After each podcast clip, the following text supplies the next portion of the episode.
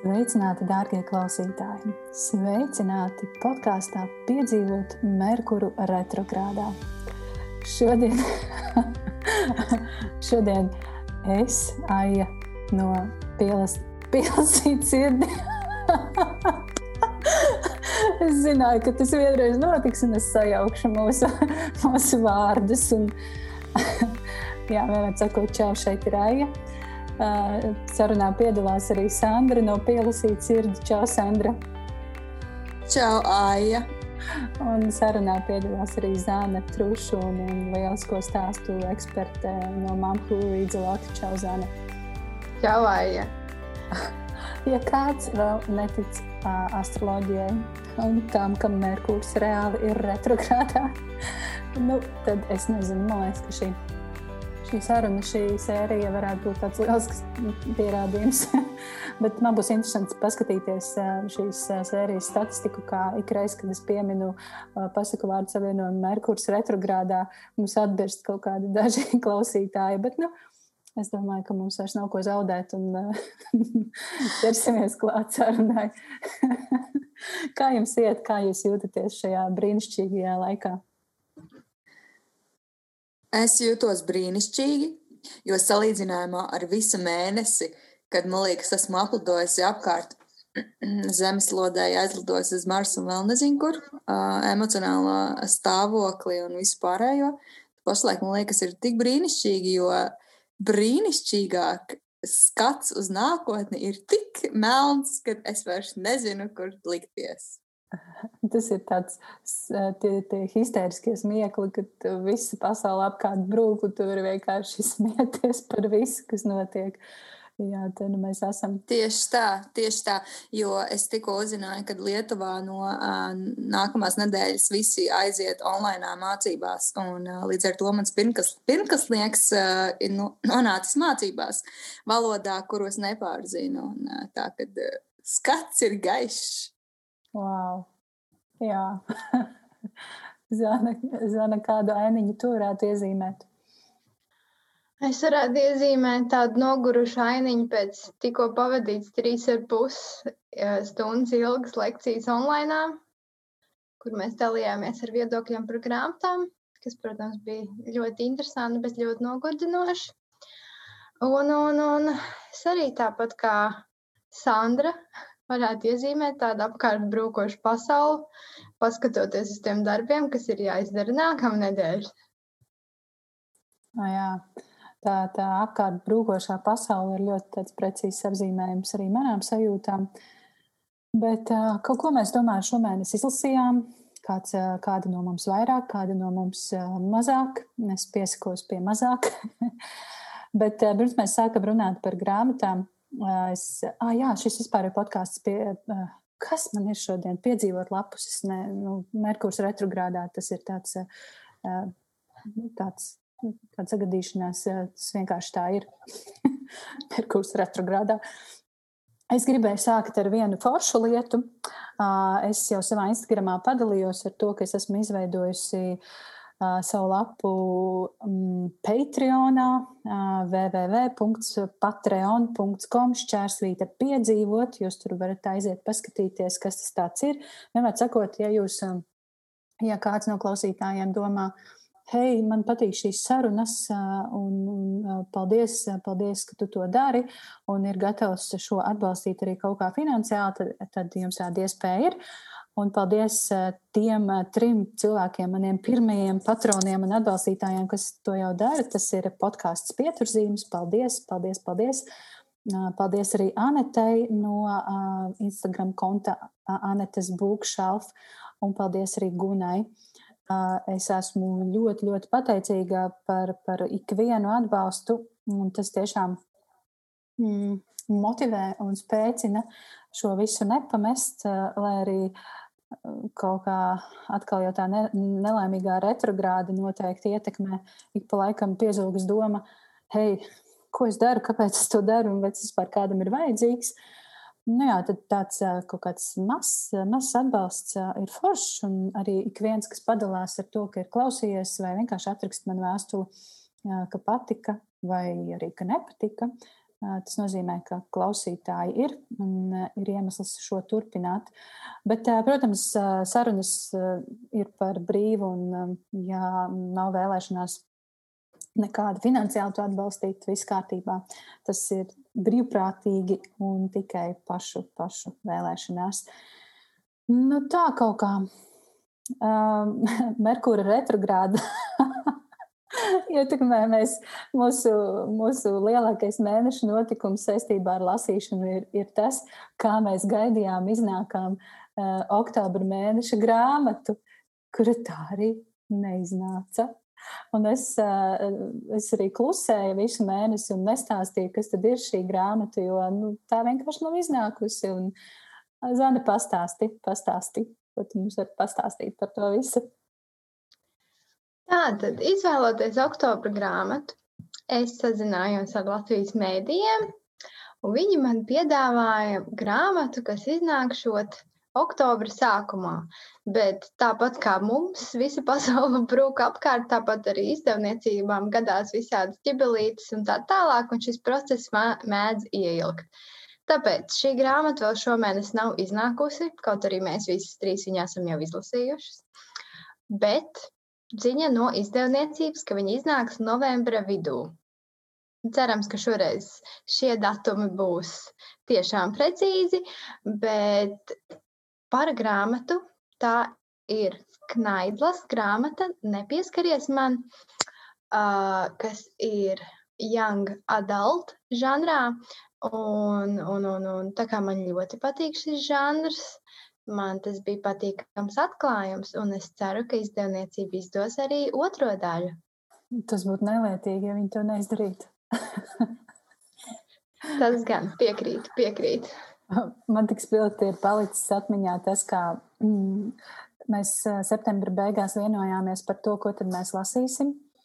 Un Zanai bija jāizvēlas grāmata, un Zana jau bija sazinājusies ar Latvijas medijiem, bet grāmata vēl nav iznākusi.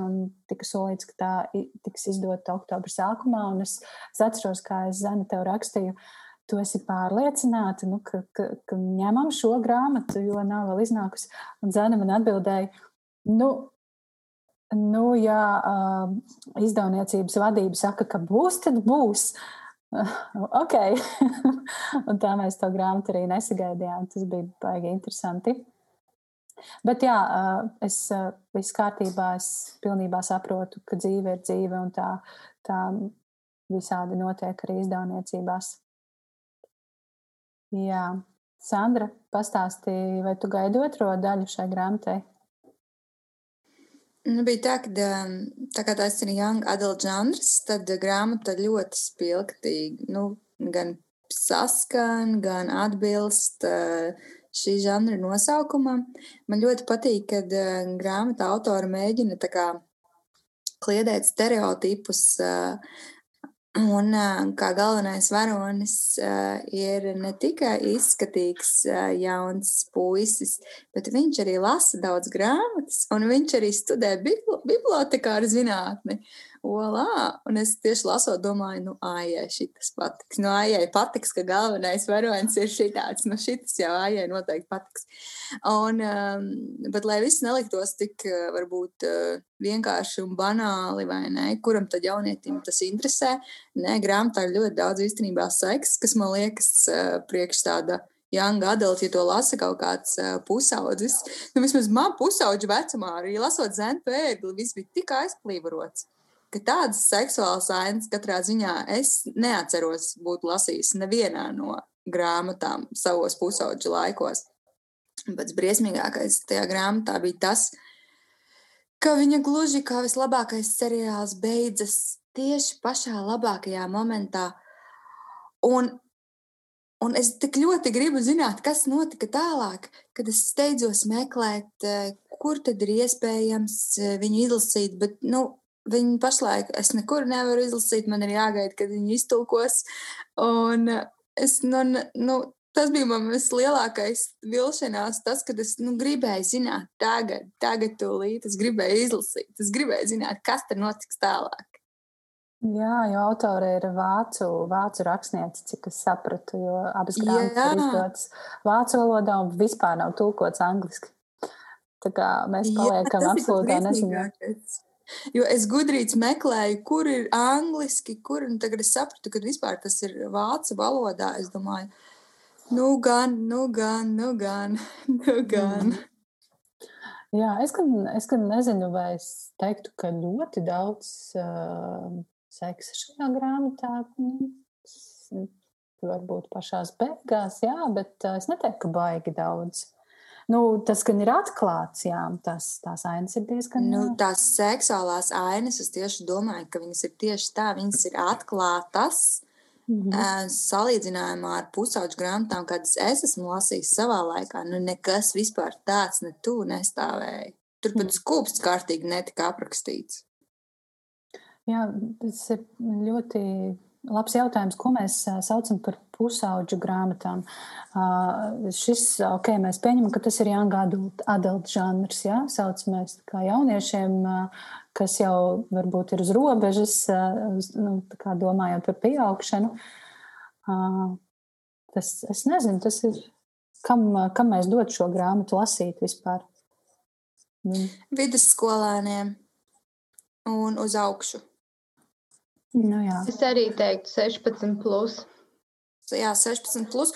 Protams, man kā 12 gadīgai arī ļoti liktos interesanti, bet personalizēties, teiksim, asociēties varētu tieši no 16. Plus. Jā, es domāju, ka mēs varētu varbūt pievērsties nedaudz tieši grāmatas varoņiem, nu, konkretizēt vairāk par ko tad ir šī grāmata, šī grāmatas tēma. Centrā ir meitene Seidža, kas man ļoti patika, kā grāmatā, kā autorei parādījusi viņas sajūtas Jo es domāju, ka mēs varam teikt, kas ir viņas trauma, kas diezgan ātri ir nojaušama, manuprāt, grāmatā. Kā jums liekas? Nu, jo es vismaz uzreiz sapratu, ka uh, tas nav tā vienkārši kaut kāda iedzimta, teiksim, nezinu, klaustrofobija vai kaut kādas, teiksim, sociālās uh, distancēšanās problēmas. Tur uzreiz bija skaidrs, ka viņi cieši no, um, no traumas, no iegūtas dzīves laikā traumas. Mm. Es domāju, ka to var teikt. Jā, meitenei, meitenei paniskas bailes no vīriešiem, no kaut kāda konkrēta vīriešu tipa. Viņai nepatīk, ka viņai pieskaras, un kā mēs mm, grāmatas nu, jau diezgan, man liekas, sākuma daļā ir saprotams, ka šī sēža, šī galvenā varone ir cietusi no, no seksuālas vardarbības. Un, manuprāt, ir, ir labi, ka par šo tēmu tiek runāts. Man patīk, es nezinu, vai var lietot vārdu patīk, kā tas tiek atklāts romānā. Kā šī meitene, galvenā varone, cenšas tikt galā ar saviem dēmoniem. Nu, un, protams, to palīdz, palīdz vismaz pirmajā daļā mazliet Tam piepalīdz galvenais varonis Luka, ko Sandra jau aprakstīja. Un, protams, ka man viņš patika. Nu, burvīgs, nu, nu kā, kā var nepatikt. Uh, es jums jau sūtīju, dāmas sūtīju šo te bildi. Ir tāds vesels Instagram konts, uh, vīrieši, kas lasa uh, kaut kur publiskās vietās. Un, un tad tur es atradu, man liekas, tādu apmēram tipāžu, kā, kāds šis luka varētu izskatīties. Protams, ka viņš ir skaists, viņš ir muskuļots un uh, viņš ir ārkārtīgi iejūtīgs un uh, arī ar savām traumām gan. Mm, bet, uh, jā, nu, viņā ir ļoti viegli iemīlēties.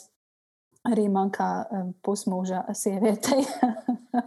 Pus nu, jā, 36 ir pusmūžs. Es teiktu tā. Kāds jums bija sajūtas par, galveno, par šiem abiem galvenajiem varoņiem?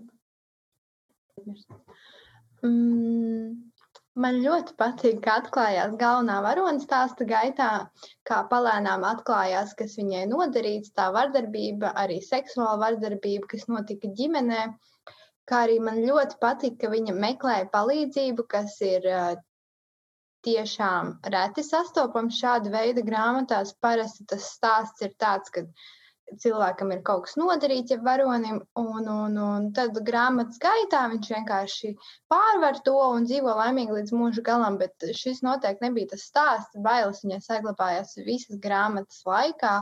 Un, protams, beigās tās varbūt pret atsevišķiem eksemplāriem bija mazākas, jo viņi iepazina viņus tuvāk un saprata, ka viņi var justies droši ar viņiem, kā arī viņi meklē psiholoģisku palīdzību, kas šīs psiholoģijas tēls man likās tāds ļoti, ļoti interesants, jo, jo viņa bija tik tāda, kā lai pasaka, tāda uzreiz radnieciska, tā viņa uzreiz izprata seidžas problēmu un, un, un viņa tam pievērš lielu uzmanību. Pat, kad viņu nejauši satiku uz ielas, viņa uzreiz centās viņai nākamajā seansā palīdzēt, iesaistot luku, kas, ko viņa redzēja, ka viņš ir kopā ar Seidžu.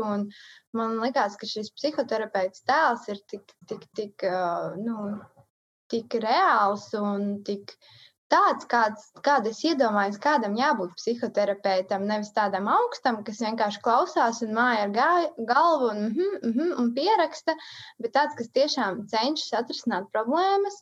Kā arī ļoti interesanti likās, ka viņai pēc psihoterapijas seansiem bija uzdots mājas darbs, kur viņai bija jāsastāda šī baiļu hierarhija.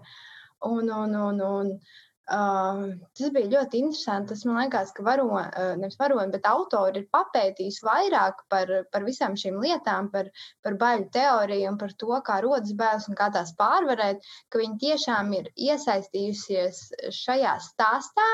Vai iespējams viņai ir kāda personiska pieredze apkārt kādam vai sev, un ka viņai tiešām izprot šo tēmu, jo citreiz runā par psihoterapeitiem, kā par vienkārši tu viņiem aiziet, tu par viņiem parunājies, viņi tev iesaka vairāk nebaidīties un, un viss. Bet šeit tiešām tas atklājās, manuprāt, ļoti, ļoti labi. Un, un, un, um, jā, bija tiešām interesanti lasīt šo stāstu, kā cilvēks mēģina tikt galā ar bailēm, un kaut arī viņa beigās tomēr līdz galam netiek galā ar šīm bailēm. Es ceru, ka kaut kas notiks otrajā grāmatā, ka mēs pie viņas tiksim un ka mēs uzzināsim, kā šis, šis atrisināsies.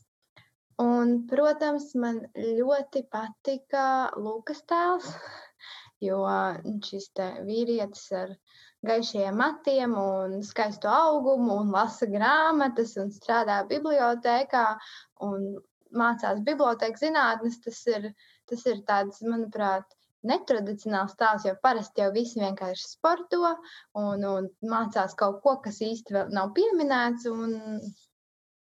Tāds ļoti interesants un iejūtīgs vīrietis, manuprāt. Jā, man liekas, Sandra, tu jau savā, tu arī savā gudrības atsauksmē pieminēji par šo palīdzības meklēšanu. Man tā liekas, ka tu rakstīji Jā, nu, es arī tur pieminēju to, ka, kā jau es teicu, man liekas, ka šī grāmata mēģina lauzt stereotipus.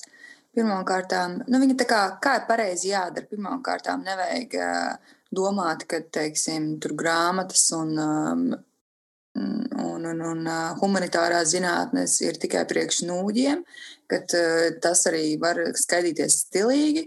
Otrām kārtām, kad ir jā, jāmeklē palīdzība pie speciālistiem, kas arī ir pilnīgi normāli. No, nekautrēties no savām um, traumām vai pieredzes un par to dalīties. Un, um, man, protams, redz, šī grāmata jau ir tāda, nu, literārs izgudrojums, bet uh, es esmu lasījusi daudz dokumentālos darbus par šo seksuālo vardarbību ģimenē. Un, uh, Tur, protams, viss ir daudz sarežģītāk, un šeit ir tas faktors, ka uh, pat ja, pat ja tas cilvēks, kas cietis no vardarbības, spēja aizbēgt no savas varmā, kas visbiežāk, uh, kas viņus visvairāk atgriež atpakaļ tajā situācijā, ir tas, ja ģimenē ir palicis uh, kāds cits. Nu, nu, ģimenes loceklis, kas ir mazāks, un viņš joprojām aug tajā ģimenē. Uh, nu, teiksim, māsas mazākas vai brāļi mazāki. Un tā vainas apziņa, kad, kad tas mazākais tavs ģimenes loceklis var piedzīvot to pašu, ko tu, tā kā neļauj aizbēgt no tās situācijas. Un šis, šis ir tas, kas man interesē, kāpēc arī otrā daļa, kā šis tiek atrisināts, teiksim, nu, izdomātā literārā darbā. Jo dzīvē, protams, tas notiek traģiski un, un, un tā. Tāpēc man arī ļoti interesē otrā daļa, kā tiek atrisināta šī situācija, ka tur palikusi ir mazāka māsa vēl joprojām tajā ģimenē. Un tādējādi viņi nespēja ne mentāli aizbēgt no tās ģimenes, ne arī visu laiku viņai atgriežas atpakaļ tā iespējamība un varbūtība, kas, kas notiek ar to mazāko. Mm. Nu, patiesībā viņi, viņi ļoti smagu tēmu apskata, jo, jo, jo jā, tā, tā nav tik vienkārša tēma. Jūs esat lasījuši tādu grāmatu, Tīģer, Tīģer. Man šķiet, ka tā arī jā. ir to tēmu. Jā. Es neesmu lasījusi, un es ļoti, ļoti baidos to grāmatu lasīt, jo cik es saprotu, ka nu, tur šis ir tā ļoti, ļoti smagi aprakstīts. Šo uh, es lasīju angliski pirms viņa vēl tika izdota latviešu, pirms daudziem gadiem man vispār ir uzrakstīta atsauksme par viņu, jo es gribēju ievietot viņu savā, bet neesmu ievietojis vēl savā Instagramā. Jo, kā jau saku, eh, ir divējādi sajūtas lasot šīs grāmatas. No vienas puses, eh, viņas ir tik smagas, ka fiziski man parasti pat paliek slikti, un es par to nespēju beigi domāt, un man tā kā salauž, un es līdzpārdzīvoju. Un no otras puses, man vienmēr liekas tā, Nu, ja reiz tos cilvēkus neviens nav uzklausījis, tad, kad viņi piedzīvoja to traumu, ne, ne kaimiņi, ne teksim, otrs vecāks, ne brāļi, ne draugi, ja neviens viņam nav palīdzējis. Un tajā mirklī, kad viņš ir pieaudzis, viņš ir eh, beidzot atklājis to stāstu.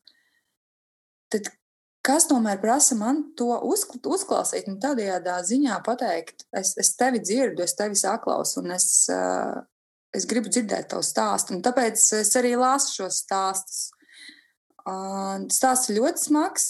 Viņš nav vienkārši, jo tur ir tāds uh, Stokholmas sindroms ietverts, jo viņi tiešām bija iemīlējusies tajā cilvēkā. Un tikai, tikai daudz, daudz gadus vēlāk viņi saprata, ka viņa īstenībā ir bijusi pedofīlijas uh, upuris, bet tajā laikā viņa bija tiešām iemīlējusies tajā cilvēkā. Viņa tiešām viņu mīlēja. Jo, jo nu, tur, tur ir ļoti, ļoti sarežģīts un niansēts tas stāsts. Ir. Viņš nav, viņš ir ļoti, ļoti sarežģīts.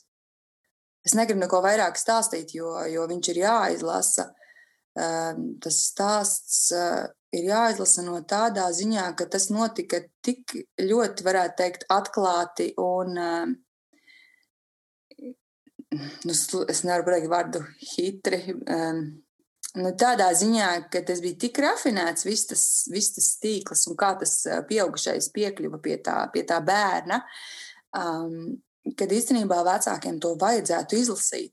Jo, jo lasot to no mātes viedokļa, nu, liekas, nu, kā viņa to neredzēja. Bet tas, bet tas viss ir tik, tik, tik sarežģīti un tik niansēti un tik nu, savīts tīklos, kad, kad bieži vien jau, jau nemaz tie vecāki nepamana, kur tas bērns kādā situācijā ir nokļuvis. Un tādā ziņā um, jebkuram vecākam patiesībā vajadzētu to izlasīt. Un mm. saprast, ka tas nav tā, ka vienkārši neviens neatnāk no ielas un gadiem neizmanto tā bērnu. Tas tā nenotiek. Bieži vien tas notiek kaut kādā rādu ģimenes lokā un ļoti tuvā lokā. Mm.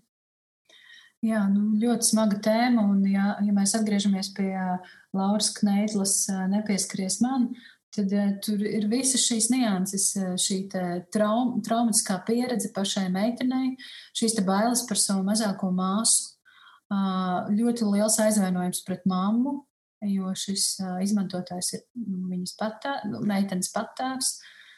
Um, tas, tas, viss, tas viss ir un ļoti spēcīgi, manuprāt, uh, ir atklāts šajā grāmatā.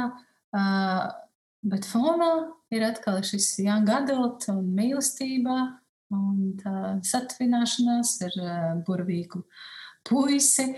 Uh, un, jā, tā kā Kam mēs ieteiktu šo lasīt, mēs jau minējām, tas ir 16, plus jaunieši. Jā, es ieteiktu arī varbūt vecākiem uh, bet no otras puses, uh, ja mēs neiedziļinām, neiedziļināmies šajā smagajā tēmā, tad tomēr tas bija tāds nu, vieglā, nu, tāds vieglais romāns, ko arī ļoti viegli var izlasīt. Un tiem, kam kaitina šādas te uh, mīlas peripēties un uh, tas, kā puisis un meitene pamazām izveido savas attiecības, nu, tāds nu, romantisko filmu stilā varbūt kaut kas, tad es noteikti iesaku nelasiet, bet, ja tomēr gribas gan šo vieglumu, gan, gan smagu, smagumu reizē, tad noteikti var lasīt. Nu tā, un, protams, šī intriga, kas palika beigās, jā, intriga ir ļoti liela un, un dod Dievs, net, netiks iztulkota otrā daļa. Nu tā kaut kā. Um, jā, mēs varam iet tālāk. Es esmu izdomājis arī, ko mēs lasīsim novembrī, bet to es pateikšu beigās. Tas būs. Man vēl ir ko teikt. Ah, lūdzu, jā, Zānē, aiziet. Tā, šī grāmata man kaut kā nedaudz atsaucās ar grāmatu, kas iznāca pagājušajā gadā arī Latvijas mēdījiem - skūpstu koeficients. Bet šī man patika labāk. Tur arī bija šī tēma, ka sieviete, kas nespēja, mm, kā, nespēja izturēt, ka viņai pieskarās. Es pēkšņi neatceros, kā sauca to, to diagnozi, bet tā bija tiešām pēkšņi neatceros vārds izskrēja. Jā, viņa bija, es arī to grāmatu esmu lasījusi. Tā sieviete bija tāda, tā kā, nu, tāda ar savām dīvainībām, teiksim tā. Jā, tāda ļoti analizētā, bet viņa jau bija pieaugusi sieviete.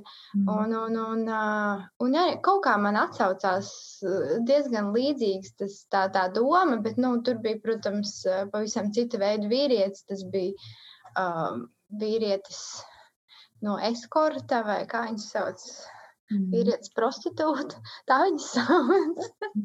Grūzis, bigalo, vīrietis, žigalo. jā, žigalo, jā.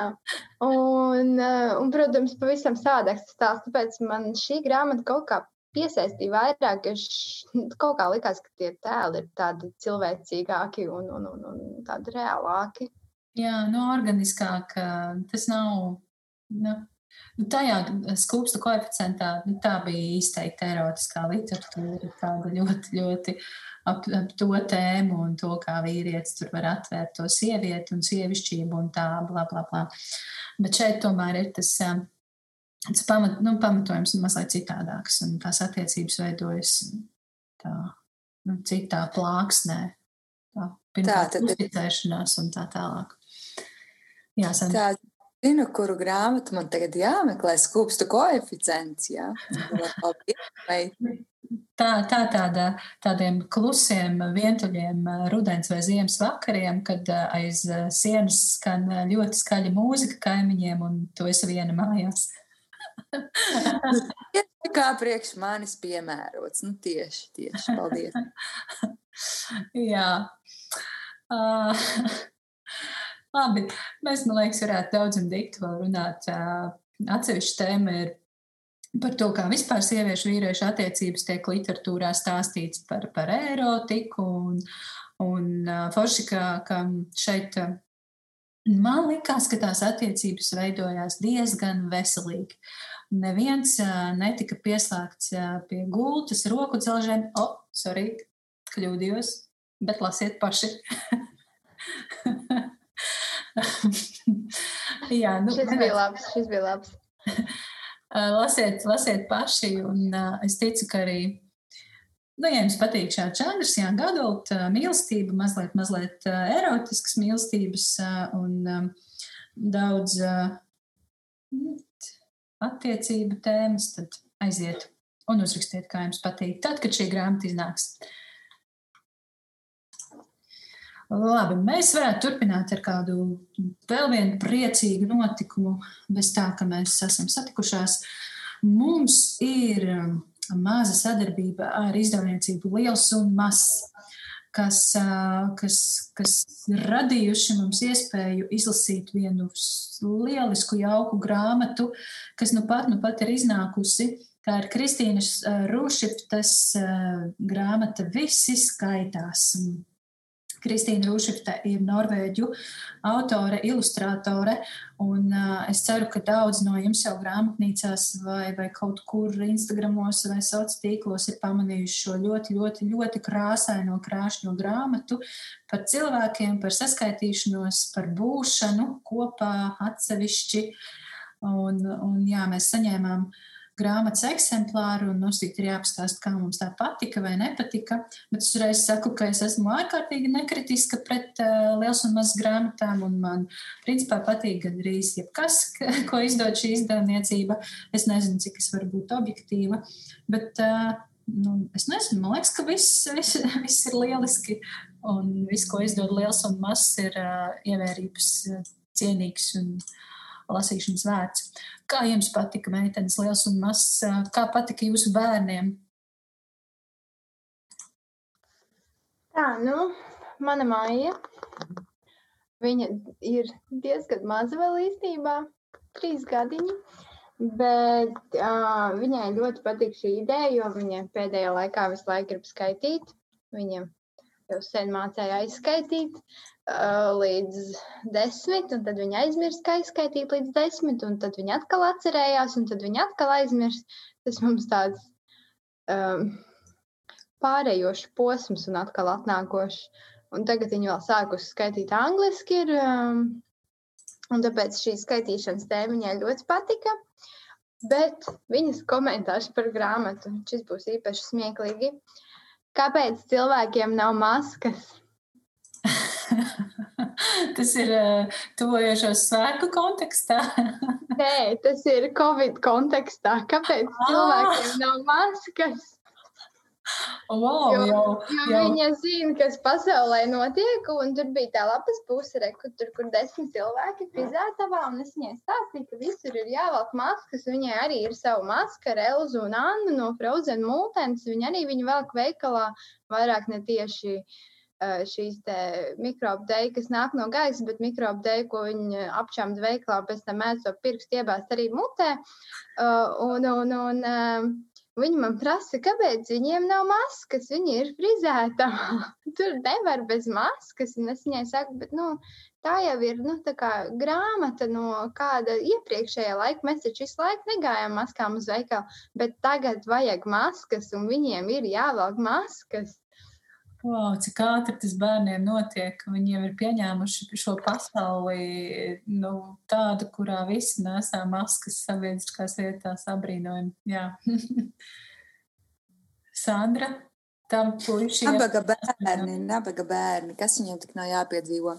Bet tā jau ir, kad bērni pieņem visu pašsaprotam, tāpēc, ka viņiem varbūt citas pieredzes nemaz nav. Nu, lūk, un kad es saņēmu savu grāmatu, atnesu mājās, man grāmatu atņēma izņēma no rokām. Un tad uh, vecākais dēls uh, mēs kopā lasījām, viņš lasīja. Un uh, skatījāmies kopā. Uh, tagad pienāca, man liekas, šķiet, tas bija piektās skaitīšanas, kur rakstīts, kāds ir slepeni iemīlējies. Es nodomāju, ak, Dievs, nē, nē, šī ir tik skumja grāmata. Tēvs ir iemīlējies. Šī ir grāmata, kā māte viņu pieķers ar, ar savu mīļāko, un ģimene tiks izjaukta. Es domāju, kāpēc, kāpēc viņš ir slepeni iemīlējies? Tā taču ir tik laba ģimene, un tad viņiem, kā jau kā Norvēģiem, parasti un Zviedriem ir tās aktuālās tēmas par šķirtajām ģimenēm, un kad, kad bērni pēc tam no šķirtajām ģimenēm sāk dzīvot kopā un kamēr viens otru pieņem. Bet nē, paldies Dievam, šī nebija tāda grāmata. Es domāju, tādu prātu, Sandra. Jā. Tāds ir mans prāts. Mans prāts ir neizdibināms. Un, eh, un eh, man ļoti patika tā ideja, ka tā grāmata ir lasāma neskaitāmas reizes. No sākuma es biju skeptiska, kā jau man liekas, visi vecāki, kuriem, kuriem, kuru bērniem ir pašiem jālasa ka kāpēc ir tik maz teksts un, un, un tā. Bet tad es sapratu, ka nē, tā grāmata nav tikai tik vienkārši izlasīt un tā. Tas ir vairāk par eh, runāšanu, izteikšanos, saprašanu, atcerēšanos, likumsapkarībām, pamanīšanu un visādām citādām maņu teiksim, attīstīšanām. Nevis vienkārši lasot vai skatoties bildes, bet viņi ir ļoti daudz, daudz, čā, daudz čā, čautļaina. Es nevaru izrunāt šo vārdu. Merkurs retrogrādā, Merkurs retrogrādā. Un tādējādi, tādējādi viņu var nu, tiešām nu, neskaitāmas reizes lasīt, jo to, ko teiksim, autori ir izdomājusi, kā redzams, eh, mēs to uztveram savādāk, vai ne? Un eh, šeit katrs var izteikties, gan pieaugušais, ko viņš domā, kurš no tiem cilvēkiem dara to vai šito, eh, ko autora, viņas versija par šo grāmatu, un tad kā bērnu versija par grāmatu. Un, uh, tur arī tiek liek aicināts teikt ko tu vēl redzi šajā attēlā, ko pastāstīt. Nu, vienmēr sakot, viņi ir tieši vairāk uz tādu vecāku bērnu kopēju miedarbību, stāstīšanu un pārunāšanu. Tāda ļoti, varētu teikt, aktīva līdzdarbošanās grāmata, nevis vienkārši izlasīšana. Mm -hmm. Manuprāt, lieliska grāmata. Es šo grāmatu saņēmu sestdienā vai svētdienā, un pie manis vēl bija mana mamma. Uh, Un mēs kopīgi atvērām šo paciņu, sākām pētīt, un mēs kaut kādas nu, minūtes, desmit kopā es, mana mamma un, un mana meita Rote pavadījām pie vienas bildes, kur ir, tur bija bilde ar automašīnām. Tur bija jānosaka, kurš, kurš no šiem uh, cilvēkiem bēg. Uh, divi bēguļo, jā, tur divi bēguļo. Mēs pētījām, kurš tad ir, kurš varētu bēgt, kurš izskatās tāds aizdomīgs. Un, tad, kurš ir tas, kas tur dara kaut ko bīstamu? Un tagad, jau, tad, kad es esmu vairāk kārt šo grāmatu izšķirstījusi, es jau zinu, kurš ir tas, kas dara to bīstamo lietu.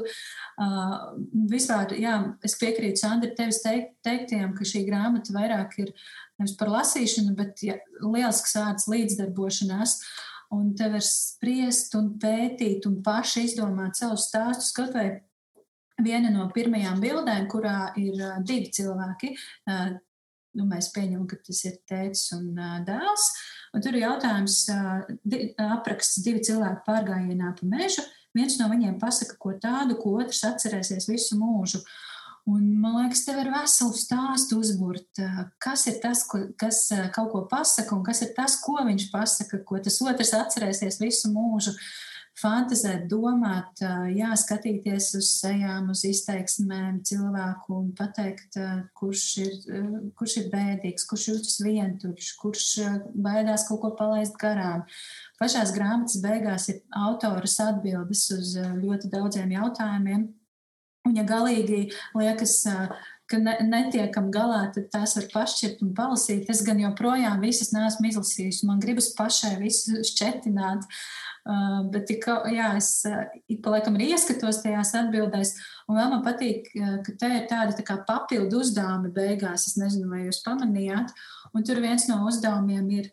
Uh, tur ir tādas aciņas uzzīmētas, un šīs acis ir katrā attēlā. Vai var tās atrast? Un to tik vajadzēja dzirdēt manai trīsgadniecei.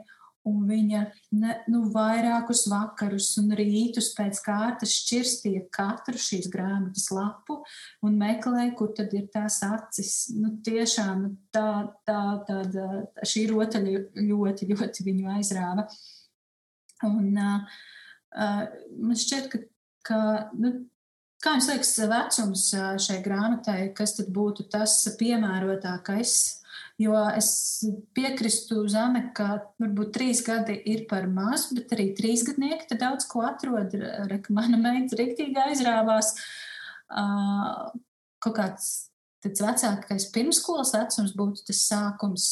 Un sākuma skola pats sākums. Es arī domāju, ka nu, piecgadnieki, sešgadnieki, kas jau ir jau vairāk saprot un vairāk var izanalizēt. Un arī, protams, sākuma skolas posms, kur viņš pats var sēdēt pie galda vai gultā un lasīt, kas tu tur ir jāatrod un kas ir jāatšķetina, un arī izlasīt tās atbildes.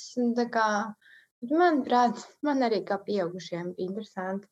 Ļoti, jā. Tas noteikti tas ir sākot no, no tiem pieciem, sešiem gadiem. Un tad, mhm. kā jau es rakstīju savā atsauksmē, Instagram, es domāju, ka šī ir lieliska Ziemassvētku dāvana, ko var uzdāvināt ģimenei vai paši sev. Un tad uh, vakarā viss sasēsties un šķirstīt un spriest un domāt un runāt. Un tas noteikti kaut kādas pašu atmiņas sāk raisīt, un tur var sanākt viens lielisks atmiņu un sarunu vakars. Tā kā iesaku, iesaku noteikti šo grāmatu.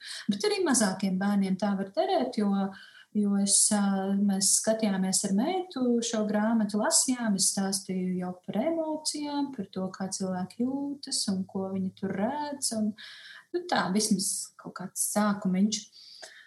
Jā, Sandra, tā varbūt kaut kas vēl piebilstams.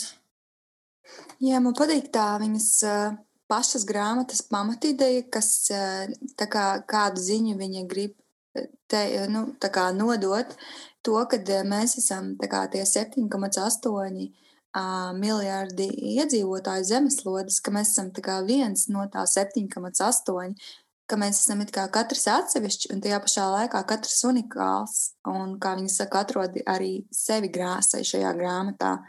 Ka tādā ziņā viņa grib pateikt, ka mēs visi esam, mēs esam vienoti, atšķirīgi, bet vienoti, jo esam daļa no kaut kā.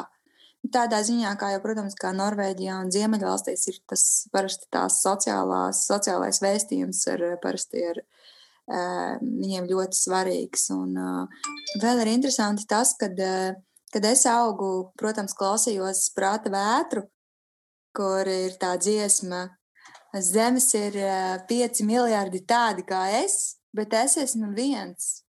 Visu laiku man lasot šo grāmatu, prāta vētras skanēja prātā. Un tas bija pirms, nu, senāk, 20, 20 plus gadiem.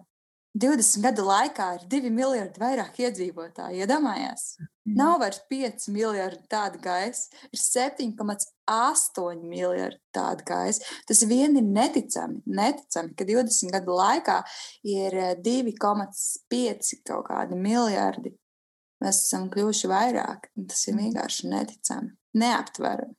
Jā, bet vai jūs atradāt šajās, šīs grāmatas lapas pusēs arī sevi? Es atradu tur, tur tādu vienu dāmu ar lielām matiem un, un brillēm. Un tad, kad viņa brauc amerikāņu kalniņu karuseļos, viņai tās brilles ir nokritušas, kas šausmīgi sajūsmināja manu meitu. Viņa visu laiku smējās par tām nokritušajām brillēm. Jā, tā varētu būt es. Kā, kā jums atradāt sevi? Es, es vēl sevi meklēju. Es biju tik sašauta no sākuma par to iemīlēšanos, kad es tam vēl ilgi netiku pāri. Un tad, kad es izlasīju, ka, nē, ka tas nav tēvs, kurš ir iemīlējies, man tiešām bija tik liels atvieglojums. Jo es jau vairs šajā oktobrī nespēju izturēt, kad bērnu grāmatās tēvs būtu iemīlējies kādā citā sievietē. es sevi meklēju, tas ir ļoti ietilpīgs, ietilpīgs teikums, Sandra. Zana rāda, Zana rāda bildi, kurā ir pastāsti, kas tas ir sendvi, tas iestmaize, tu esi? tas neesmu sviestmaize, es esmu grāmata. Ah, jā, jā, jā, tur ir. Man tas... ir rozā mati, man ir grāmatas kostīms, un izskatās, ka grāmata ir izdota pingvīnu boks. Jā, ļoti laba asociācija, izcili. Jā, tur ir tā bilde ar karnevālu. 24 pārģērbušies par to, kas viņus interesē, divi uzvilkuši karnevālu tērpu. Aizmirst, ka ir kautrīgi, viens nav pārģērbies. Zem, tu varētu būt tā, kas nav pārģērbusies, jo grāmata ir tava būtība, vai ne? Jā, taisnība. Jā, nu forši. Uh, vienmēr sakot, ja jūs vēl nesapratāt, tad uh, es saku vēlreiz lūdzu Mm, iegādājieties šo grāmatu, dāviniet šo grāmatu, un, un lai visiem burvīgi stāstu un sarunu vakari kopā ar Kristīnas Rūšaktas visi skaitās liels un mazs izdevniecībā izdoto grāmatu. Ko mēs lasījām vēl oktobrī? Es lasīju ļoti maz. Šķiet, kopā ir sanākušas kādas desmit grāmatas, no kurām lielākā daļa ir grāmatas bērniem, Pastāstiet, kas jums ir palicis prātā? Es vēl gribēju piebilst par autoru, kad es Instagramā rakstīju to atsauci, un tur autori arī kaut ko tur ielika laiku vai ko par liels un maz grāmatas runāju. Mm, viņa tieši komentārā rakstīja, ka viņai arī bija paredzēts uz Latviju braukt, kā, protams, ar savu grāmatu uzstāties. Bet, eh, nu, protams, Covid dēļ tas ir atcelts, eh, bet viņa ļoti gaida, kad eh, varēs atbraukt uz Latviju un, un prezentēt savu grāmatu. Tā kad mēs ceram satikt arī pašu autori no Norvēģijas šeit Latvijā. Jā, jā, ļoti, ļoti ceram. Es ceru, ka tas izdosies. Uh, kaut kad skaistā nākotnē. Jā, bet runājot, runājot par oktobri, man arī sanāca salīdzinoši ar citiem mēnešiem mazāk palasīt. Um, bija grāmatas, kas, kas izlasīja pāris trillerus, jo vienkārši man gribējās atslēgties, uh, lai es no, ne, nedomātu par ikdienas notikumiem. Uh, Viena no grāmatām, kas man vispilgtāk palikusi atmiņā, ir amerikānietes, ir Latvija, kurai ir latviešu saknes. Viņu sauc Ināra Vērzemnieks, un viņa ir sarakstījusi grāmatu par saviem vecākiem, kuri ir bēguši no Latvijas kara laikā, nonākuši Vācijā bēgļu nometnē un no turienes pēc daudziem gadiem nokļuvuši Amerikā un sākuši dzīvi no jauna. Un, Viņai pašai tas stāsts ir, cik saprotams, tā bērnība nav nemaz bijusi tik vienkārša, jo māte par viņu nav spējusi rūpēties. Tēvs ir, kurš ir šo latviešu nu, vecāku dēls, viņš ir piedalījies Vietnamas karā, un viņam arī ir ļoti daudz traumas, un viņš arī nav spējis parūpēties par viņu. Un šie vecāki latvieši ir tie, kas kā, uzaudzina šo ināru. Un līdz ar to uzaugot tajā latviešu vecāku atmiņu stāstos un tam līdzīgi, viņai tik ļoti spilgti šī Latvija ir prātā, ka viņa um, vēlākos gados dodas uz Latviju, varētu teikt, meklēt savu identitāti, kaut kādu savu ģenētisko mantojumu meklēt, saprast, ko vispār nozīmē tie visi stāsti, ko vecāki ir stāstījuši. Un tur viņi satiekas arī ar radiniekiem, kuri ir piedzīvojuši pilnīgi citas lietas, kuri ir tikuši izsūtīti uz Sibīriju. Un, um, un, un šeit uh, rodas daudzi tie tās varētu teikt, nesaprašanās un nesaskaņas, jo kara laikā viņi nav spējuši sazināties. Viņi nezināja no sākuma, kad uh, tie vecāki ir tikuši uz Ameriku un paši tā kā tika izsūtīti uz Sibīriju, tad tas kontakts tika pārtraukts. Un kaut kādā ziņā ir saglabājies varbūt ne gluži aizvainojums, bet kaut kādā ziņā liekas, kad, uh, kad, kad vieniem ir, ir bijis labāk. Nu, jo, redz, tie vieni ir aizbēguši uz Ameriku, bet tas stāsts jau, protams, nav tik vienkāršs tas ne Amerikā iedzīvoties un nekad nebūt mājās, ne nokļūt bēgļu nometnē, ne nokļūt Sibīrijā. Tur nevienam nebija vienkāršāk. Bet vienmēr sakot, šis ir ļoti smags stāsts emocionāli. Jo šī ināra, viņa tā kā mēģina, mēģina saprast sevi, saprast vecākus, saprast, kāpēc vispār tā ir noticis un kur ir viņas tā vieta.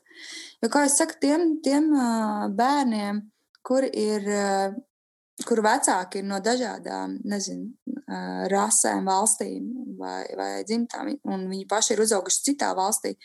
Viņi nevienmēr saprot, kur ir tā īsti viņa tā vieta un no kurienes vispār, kas viņš pats ir. Vienīgais, ko es nesaprotu, kāpēc grāmata nav tulkota latviešu, tas man joprojām ir tāds mīklains minējums, kāpēc tā varētu būt noticis.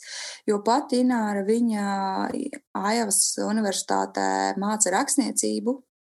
Viņa pati ir, ir žurnālists dažādiem žurnāliem un avīzē, avīzēm rakstījusi. Dokumentālo prózu viņa raksta. Un nu, katrā ziņā viņai ir arī spēcīgs rokraksts, tāpēc es ļoti gribētu, ka tā grāmata tomēr nonāk pie latviešu klasošiem cilvēkiem. Un, protams, tā vide, kur ir rakstīts par, kur vecāki nāk no gulbenes, bet viņi ir paši mācījušies Casvainas pilī. Viņa arī ir tik atmosfērīga, un tā ir, protams, arī mana dzimtā puse. Un līdz ar to man viss tas stāsts arī likās tāds ļoti personisks un ļoti, ļoti latvisks. Nu, tur, ir, tur ir tie klusuma brīži, un, un tie cilvēku, visi tie gājieni vai nerunāšana vai, vai viss tāds ir tik latvisks, ko grūti izstāstīt, teiksim, ārzemniekiem. Ir. Un to viņa ļoti labi notvērusi, jo visas tajās sarunās ar tiem radiniekiem, un, un kad viņa pati nesaprot, kāpēc, kāpēc tas ir tā vai savādāk, um, tas tāds, tāds izteikti latviski, tāds pelēcīgais drūmums cauri laužas. Kā tu uzzināji par šo grāmatu? Es kaut kur redzēju, kāds kaut kur bija kaut kur rakstījis par to grāmatu. Un uh, tad es redzēju, ka Jāņa Roza grāmatnīcā viņa kādreiz bijusi angliski, bet viņa ir out of stock. Un tad es viņu sameklēju, pasūtīju no Anglijas. Cik interesanti, vai ne, ka tāda grāmata ir jāsūt no Anglijas. Jo man kaut kādā ziņā liekas, druskuļi paralēls vēl kā Rūta Šapētis, kas ir lietuviešu autora, kam ir lietuviešu saknes, bet kura dzīvo Amerikā.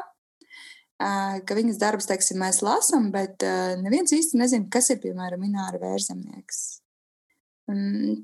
Jo tas darbs ir tik Sevišķi tāpēc, ka tik daudz latviešu pašlaik dzīvo ārzemēs. Un es domāju, viņu bērniem būs, būs arī tādi paši jautājumi, kas īsti viņi ir, kas viņos ir tas latviskais un, un kas ir tas iemācītais. Viņi tur, protams, runā par tādām lietām, ko vecāki stāstījuši. Bet nu, tas jāņem vērā, ka tas ir pirms daudziem, daudziem gadiem noticis. Mēs to, teiksim, varbūt tādus vārdus vairs neizmantojam. Jo esiet ievērojuši tie, tie kas ir dzīvojuši ārzemēs, viņi, viņi izmanto tādus vecvārdus, kurus mēs mūsdienā neizmantojam. Jā, nu, jo, viņa valoda ir tā kā iekapsulējusies. Jā, tieši tā, viņa nav mainījusies. Un tie vārdi, kas ir vecvārdi, kas, kas no tiem vecvecākiem ir iemācīti, uh, Viņi ar tiem ir uzauguši, un viņi citus nemaz nezina. Viņiem nav tas rusicisms pienākuši klāt, vai īsti anglicismi arī nē. Jo, mm. jo viņi, ir, viņi ir īsti vecāki. Un tad viņi arī stāsta par tādām latviskām lietām, ko tie vecāki ir stāstījuši. Piemēram, viņi mēģina skaidrot, jo tā grāmata arī paredzēta ir ārzemniekiem. Viņi mēģina skaidrot, kas ir aizsaule. Un es par to nekad tā nebiju domājis. Jā, es zinu no tautas dziesmām aizsaule, no kaut kādām vecām dziesmām aizsaule, bet nu ikdienā mēs neizmantojam vārdu aizsaule. Es, es nesaku, mēs nerakstām uh, trīs slimnieki, trīs covid slimnieki ir devušies aizsaulē. Nu, tā nu, īsti rakstītu.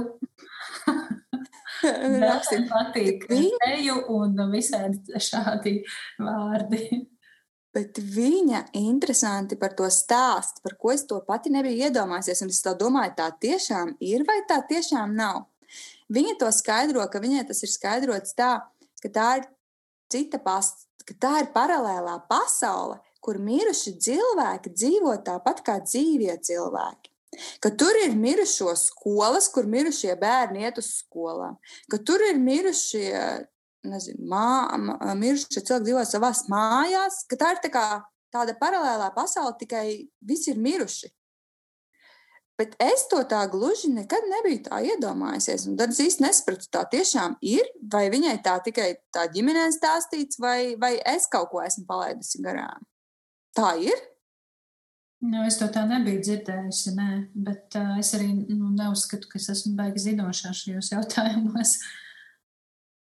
Nu, jā, un tur ir visādas tādas lietas, ko viņa stāsta, ko viņa no vecākiem, kas viņai ir audzināts. Viņa ļoti daudz stāsta par uh, Latviju, uh, par uh, visiem tiem notikumiem, par lāčplēsi. Tā kā nu, skaidrojoši arī, kur tas ir radies un, uh, un, un, un, um, un visādi tādi izteicieni.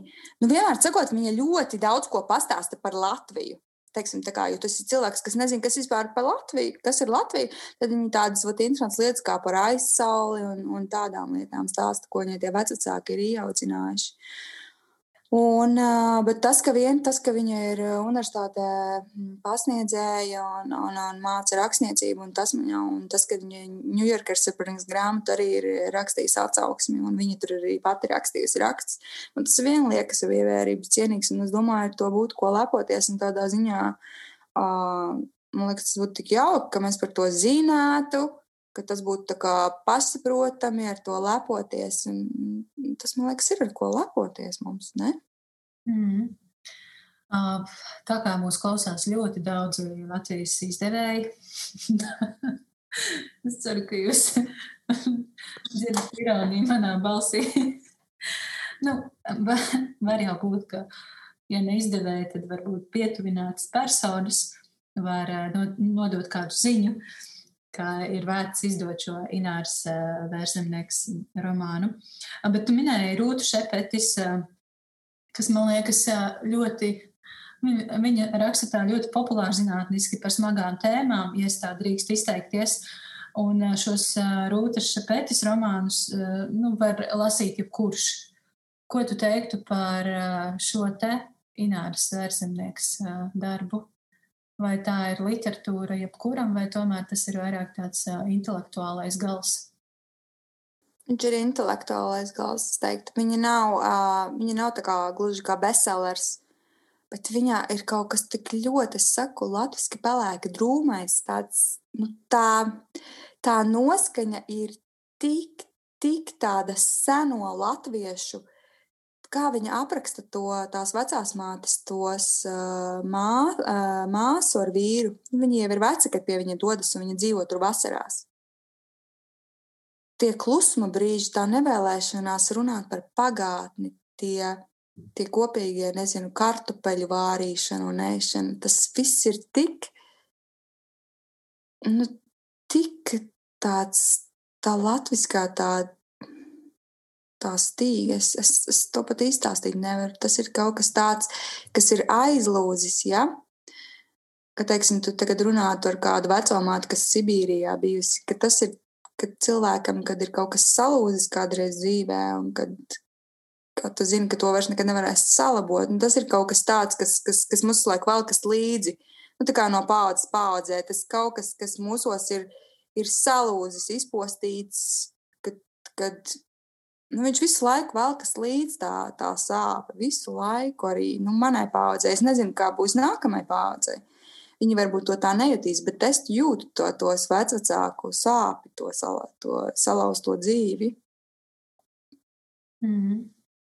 Jā, paldies, Sandra, par tavu ieskatu šajā grāmatā un par emocionālo stāstījumu. Es, es esmu ieintriģēta. Es ceru, ka, ka arī citi lasītāji, klausītāji meklēs šo grāmatu rokās. Šobrīd tā ir pieejama angļu valodā, ārzemju internetu veikalos, kaut kur noteikti nopērkama. Šķiet, tu teici, ka šobrīd Latvijā nav atrodama, bet varbūt, jā, Varbūt, ka Varbūt kad ir kaut kur, bet Jāņuros grāmatnīcā viņa nesen skatījos, bija vēl projām. Nu, tā kā parādās, bet out of stock. Mm. Tā kā nav pieejama.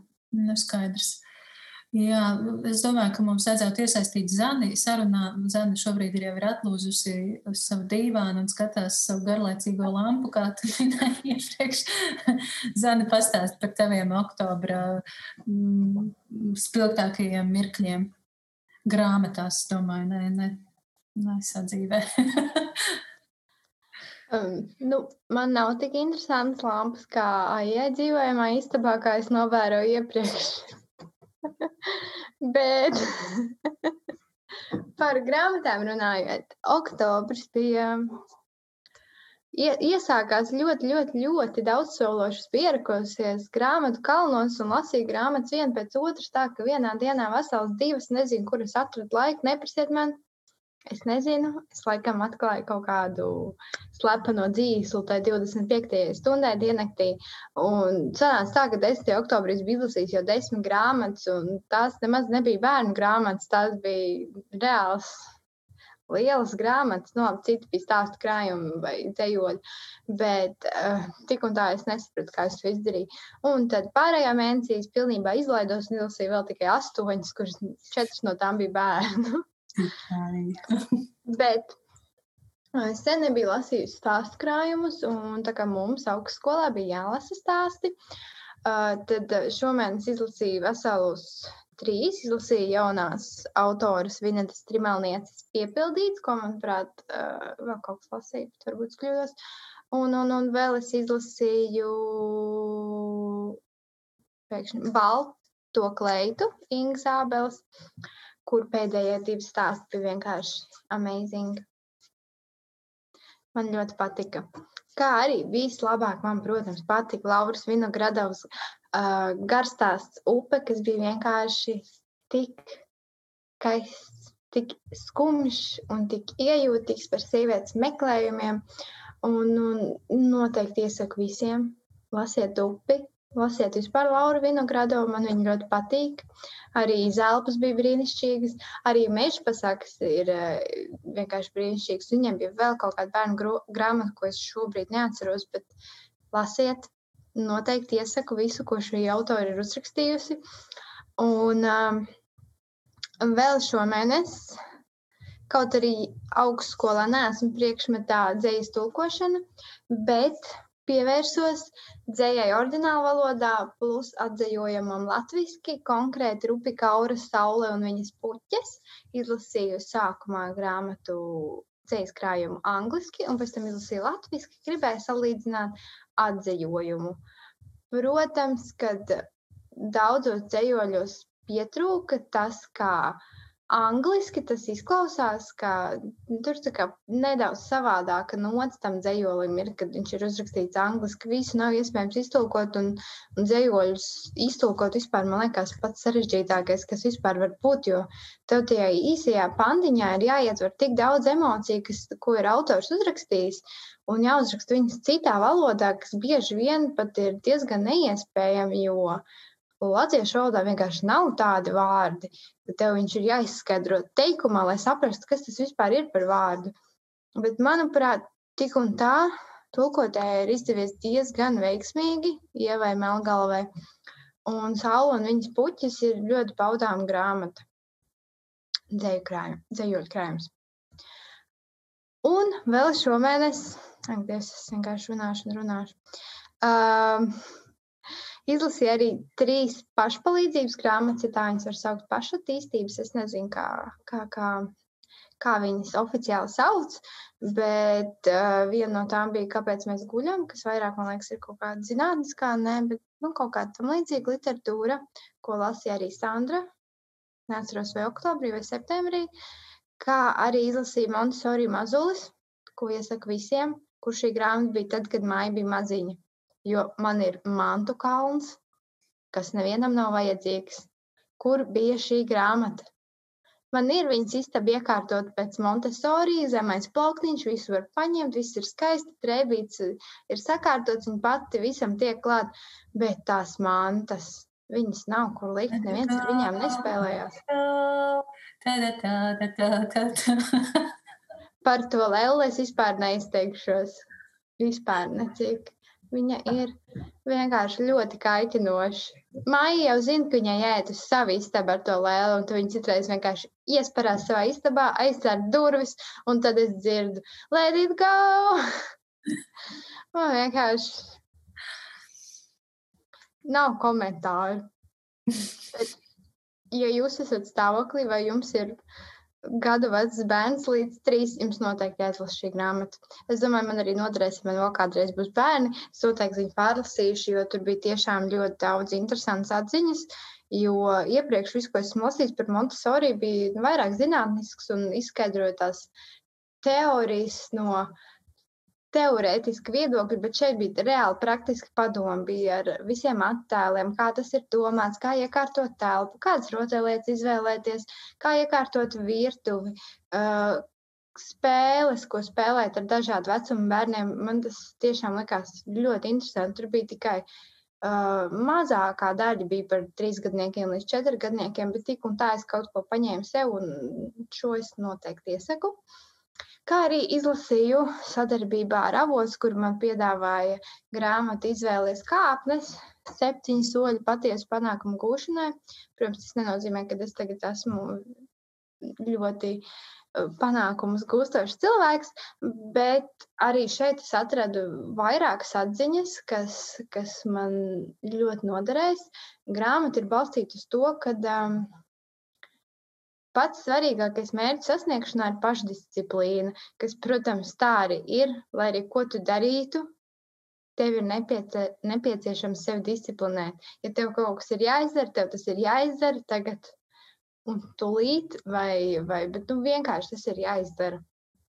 Un, un diezgan īsi bija aprakstīta šī pašdisciplīna, jo salīdzinot ar 5AM klubu, kur tā grāmata vienkārši likās, ka nekad dzīvē nebeigsies, tad šī bija daudz plānāka un arī daudz uh, saprotamāka. Bet visā visumā šis mēnesis bijis ļoti jauks. Pievērsos arī našķoties zemi pavāra grāmatai.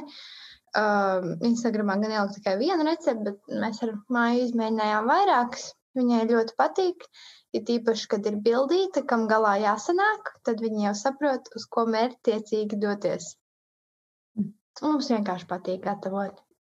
O, tas ir burvīgi. Man prieks par jums. Es varu jūs nolikt. um, Tur arī gribēju, varbūt var kaut kādu piegādīti.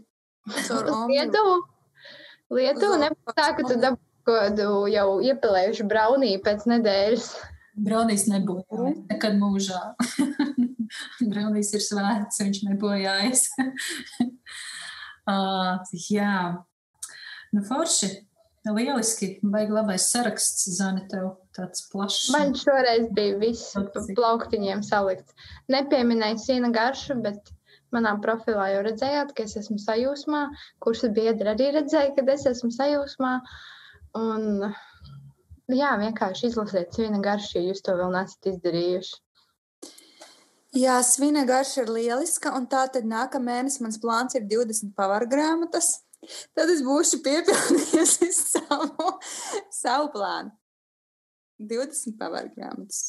Kāpēc 20 pavaru grāmatas? Nu, lai mēs izlasītu to grāmatu sarakstā. Labi, bet es ceru arī garšīgs rezultāts tam visam būs. Bet tad, ja izmēģina visas receptes, ja katrā grāmatā ir simts, tad uh, gaida arī 20 liekas kilogramus. Jā, un tad man būs, tad man būs tikai sporta aktivitāšu grāmatas pēc tam. 20 liekas kilogrami ir mans stāsts. Jā, savukārt es ko es varu pateikt? Es varu vienīgi pievienoties zemes stāstījumam par Lauru Vinogradavu, jo, jā, kā jau Zana minēja, mums ir jālasa stāsti, latviešu stāsti augstskolā. Un uh, es paskatījos sarakstā, kas tiek piedāvāts. Daudz ko jau biju lasījusi, daudz kas ir aizmirsies, bet uh, Lauras Vinogradovas stāstus es nebiju lasījusi. Man šī bija pirmā satikšanās ar šo autoru. Es izlasīju stāstu krājumu izelpas. Uh, kas mani ļoti, ļoti pārsteidza. Ļoti patīkami pārsteidza, protams. Mm, un tā kā mums ar Zani pašām šobrīd ir kurs pie Jānis Eklas, kurā mums ir jāraksta stāsts, tad, manuprāt, šis, šis uzdevums ļauj vēl labāk novērtēt stāstu rakstniekus, jo es, es apbrīnoju, kā var radīt tādu ietilpīgu stāstu, kurā atklājas galvenais varonis, viņa pārdzīvojums un šis notikums. Un vēl kaut kādu ideju tajā ievīt. Turklāt, tev, nu, autoram nav bezgalīgi, bezgalīgi daudz romānu lapušu, bet tomēr šis žanrs ir nu, tāds koncentrēts un tajā nav paredzēts izplūst lapusēs un notikumos un blakus notikumos. Tad es teiktu, ka Laurai Vinogradovai tas padodas izcili, lieliski. Un kas man ļoti patika, es neesmu lasījusi upi, ko es eh, noteikti izlasīšu. Eh, bet uh, es tāpēc nevaru salīdzināt, kā viņa raksta kopumā. Es varu pateikt tikai par šo darbu. Man ļoti iepriecināja tas, ka beidzot uh, netiek runāts tikai par uh, bēdīgo, skumjo, par šausmīgo, par traģisko, Bet uh, stāstos parādās arī kaut kāds tāds gaišums, un uh, es uzreiz atcerējos par tādu franču rakstnieci Annu Gavaldu, kas ir viena no manām mīļākajām autorēm vispār. Un šai rakstniecei ir ļoti raksturīgs runāt par, par tādu smagumu, par dzīves nu, neviennozīmīgi vērtējumiem, notikumiem, par drūmiem, par grūtiem notikumiem, bet beigās tajā visā ir tāds gaišums un vieglums. Uh, un to es sajūtu arī Lauras Vinogradovas stāstā. Man ļoti patika atsevišķi stāsti, kuru nosaukumus es vairs diemžēl, diemžēl neatceros. Uh, mīnusiņš man, bet tur bija stāsts par uh, veco tanti, kas izrādās, kurā izrādās patīk meitnes, sievietes. Un tas bija tik burvīgs stāsts, tas, tas kā tas beidzās, un man ļoti patika. Jā, šeit parādās arī, protams, tāds drūmākas notis, bet kopumā es iesaku noteikti tāpat kā zēni iesaku. Uh, Lauris Vinogradovs uh, izelpas, un es ticu, ka arī upe man ļoti patiks. Ko es vēl vēlos izcelt no šomēnes lasītajām grāmatām, tā ir Agnes Vanagas pagalma enciklopēdija.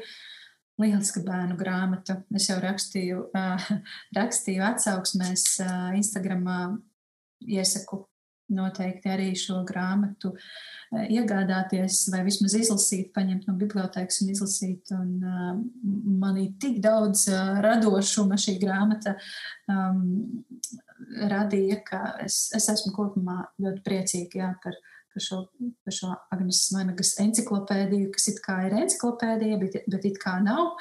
Un tajā pat laikā tik daudz interesantu faktu ir iespējams uzzināt par dzīvniekiem. Uh, un, ievērības cienīgs šķiet vairs nav nekas tāds ļoti, bet uh, es izlasīju arī Monas Kanstenes vai Kastenes um, grāmatu Glābiet mani, kas ir otrā daļa triloģijai, uh, kas arī ir young adult, adult žanrā. Šo grāmatu ļoti gaidīju, un, un tagad man ir jāgaida trešā daļa, kas neskādi iznāks latviski. Uh, Un es lasīju šo otro daļu un sapratu, ka es vairs neatceros, kas ir noticis pirmajā daļā un kas man tik ļoti sajūsmināja pirmajā daļā. Bet nu, stāsts klasiskais par, par puisi un meiteni, un puisis ir sliktais zēns. Un, un, un tas glābšanas motīvs varbūt nav īpaši veselīgs. Um, bet es pieņemu, ka ļoti daudzām jaunām meitenēm, dāmām šī, šis stāsts patiks un tas aizraus. Nu, tā kaut kā. Jums vēl kaut kas piebilstams par oktobrī izlasītajiem darbiem? Jā, es atceros, es stāstīju par vienu grāmatu, jo es, protams, kā vienmēr aizplūstu. Bet es gribēju taču pateikt, ka man ļoti patika Sabīnas Košļevas grāmata Rīga Maskava, kas skaitās mūsdienīgais mīlestības stāsts. Es viņu teiktu, viņš varētu būt tāds negluži destruktīvs, bet kaut kādā ziņā negluži agri, agresīvs, bet nu, kaut kādā ziņā ir tie mīlestības stāsti, kur tu zini, ka viņiem nebūs laimīgas beigas, jo viņi paši par sevi nu, buksējas kaut kādā ziņā. Bet man ļoti patika, cik ļoti tas latviskais un krieviskais uh, tik izjust var, tik viņas, viņi tik perfekti ir aprakstījusi tieši tās. Uh, specifiskās lietas, eh, kultūra atšķirības, kaut kādas tādas nianses, gan valodās, gan garšās, gan visā pārējā. Man viņš likās, viņš ļoti aizrāva, tas stāsts likās tāds dzīves, spilgts un tāds riktīgs, sulīgs. Teiksim, es biju sākusi viņas dairedi ar eh, stāstiem. Stāsti likās kā par vientulību tādi pelēcīgi, drūmi un tiešām vientulīgi, tad šis stāsts bija tāds košs un nu, man, tiešām viņš, man viņš tiešām ļoti patika. Rīga, Maskava. Mm -hmm. Un vēl klausoties par jūsu lasītajām grāmatām, protams, ļoti, ļoti skauši par jaunumiem, ko jūs lasiet. Es to pat izstāstīt nevaru. Man ir vesels saraksts sastādīts ar grāmatām, ko es jau, man, dažas es pat jau pāris mēnešus gaidu. Un prātā, kad es varēšu, nezinu, doties uz Latviju un uh, dabūt savās rokās. Viens no tiem ir, ko es visiem iesaku, tiem, kam ir pieejams bibliotekas vai grāmatnīcas, ir lietas, kas krīt no debesīm. Ir viena grāmata, ko es gribu ļoti. Es jau mēnešiem šo grāmatu mediju, kad vēl biju Latvijā, tad viņu nedabūju un uh, vēl joprojām nevaru dabūt. Uh, tad, protams, ir upe, piepildīts, sievietes, par kurām es domāju naktīs, Uh, un uh, tango ar diviem V, Ienitas Silas uh, jaunā tikko iznākusi grāmata. Nu, šīs ir tās grāmatas, kas man liekas, es viņas neesmu lasījis, bet man liekas, es jau par viņām varu stāvēt un krist. Un man liekas, ka tās, tas ir mans un man tas ir jāizlasa. Un, uh, es tiešām man draudzene ik pa laikam sūta, kādas jaunumus viņa ir dabūjusi no šīm grāmatām kuras tieši viņai teica, ka būs labas. Un man tiešām skauž, kad citi lasa, un es tikai es iesaku, un es pati pie lasīšanas netieku. Tā kā es jūs apskaužu, meitenes. Nu, sūtīsim tev kaut ko, aizsūtīsim drīzumā. Jā, es, es esmu grāmatas vidū, grāmatā sievietes, par kurām es domāju naktī. Man visu laiku kaut kas ielēma pa vidu šai, šai grāmatai, bet es noteikti jums iesaku izlasīt. Noteikti, noteikti, noteikti visām sievietēm. uh, labi, Klau, Nu, ko, ķeramies klāt novembrim. Metamies novembrī un cerēsim, ka viss, viss sliktais un viss, viss kas uh, ir sajaucis mūsu prātus oktobrī, būs palicis oktobrī. Un, un neatgriezīsies novembrī. Es novembrim esmu izvēlējusies grāmatu, kas jau ir iznākusi un jau ilgus gadus ir iznākusi. Šo būs iespēja tiešām lasīt visiem un ikvienam. Un tā kā Sandra mums ir projām Lietuvā un Sandrai nav pieejamas latviešu bibliotēkas, tad uh, es izvēlējos kaut ko, kas ir Sandras plauktā. Uh, Sandra man atsūtīja bildes. Es papētīju, kas tur ir. Uh, tur ir ļoti daudz literatūras angļu valodā, ko es, diemžēl, negribēju izvēlēties, jo, lai arī es angļu valodu saprotu, tomēr uh, izbaudīt tekstu angliski man vēl pagaidām neizdodas. Tāpēc, tāpēc es izvēlējos ļoti savtīgos nolūkos, kā Zana, tu jau minēji, Svena Kuzmina Hohmu, jo mums nākamais uzdevums ir augstskolā mūsu uzdevums tālāk ir lasīt uh, sieviešu, vīriešu prózu, latviešu prózu romānus. Un tad uh, šis ir viens no darbiem, kas ir uh, mūsu mājas darba sarakstā. Tāpēc lieliska sakritība. Divi zaķi ar vienu šāvienu. Tātad novembra grāmata. Un es aicinu visus, visus klausītājus iesaistīties. Ir Svena Kuzmina Hohma. To ir izdevusi izdevniecība dienas grāmata. Un lieliski, ka mums ir atkal jauna izdevniecība pārstāvēta mūsu izvēlēs. Tā kā, um, jā, paskatīsimies, palasīsim, ko tad raksta Svens Kuzmins. Un man šķiet, es esmu lasījusi diezgan daudz pozitīvu atsauksmi par, par šo darbu. Kā es ceru, ka mums būs jauks literārs piedzīvojums. Ko jūs domājat par manu izvēli, dāmas? Nu, es esmu ļoti priecīga. Es jau cerēju, ka tu viņu izvēlēsies, kad es ieraudzīju viņu Sandras kaudzē, un es jau viņu esmu pasūtījis bibliotekā tikko, kamēr tu stāstīji. Un... Tik labi, ka mūsdienās ir internets. Jā, paldies internetam, ka viņš joprojām ir ar mums. Pēc kur, par kurzminu runājot, es esmu lasījusi pilsētas šāmaņus. Tas, man liekas, bija viņa pirmais darbs, ja nemaldos. Mm. Katrā ziņā bija interesanti. interesanti. Mm, Nē, esmu neko lasījusi no Svena Kusmina, un šī būs pirmā satikšanās, bet uh, es, jā, es ar lielu interesi un atvērtu prātu metos iekšā šajā piedzīvojumā. Un, ja arī tu, klausītāji, vēlies piedalīties uh, mūsu virtuālajā grāmatu klubā, tad droši dodies uz uh, bibliotēku vai paskaties savā plauktā, vai tur gadījumā nav Svena Kusmina Hohma. Izlasi to un uzraksti atsauksmi. Atsauksme ir, tu vari to publicēt Instagram, atzīmējot mani vai Sandru vai Sani, vismaz vienu no mums vai visas kopā, vienalga. Var publicēt arī Facebookā, atkal atzīmējot kādu no mums, lai mēs vienkārši zinām, ka, ka tu esi to lasījis. Var atsūtīt arī e-pastu uz e-pasta adresi piedzīvot at gmail.com. Tad uh, es šo atsauksmi izlasīšu un pārsūtīšu tālāk dāmām, lai arī viņas iepazīstās. Nu, ko? Es ceru, ka uh, mums būs daudz lasītāju šomēnes. Mēs atkal varēsim dalīties ar citām atsauksmēm, ne tikai ar savām pārdomām. Zana. Tas būs lieliski, tas būs lieliski. Vairāk nekā trīs, ja būs izlasījuši. Labi, dāmas, paldies jums par šo sarunu. Paldies Merkuram, paldies Merkuram retrogrādā. Paldies, ka klausījāties šo. šo... Labi. Jā, paldies visiem klausītājiem un uz tikšanos nākamajās sarunās par grāmatām un lasīšanu. Atā! Tā! Tas šodien arī viss. Paldies, ka noklausījies! Ja tev patika un likās noderīga šī saruna, noteikti uzraksti savas pārdomas Facebook vai Instagram, vai varbūt uzraksti man e-pastu uz piedzīvot atgmail.com.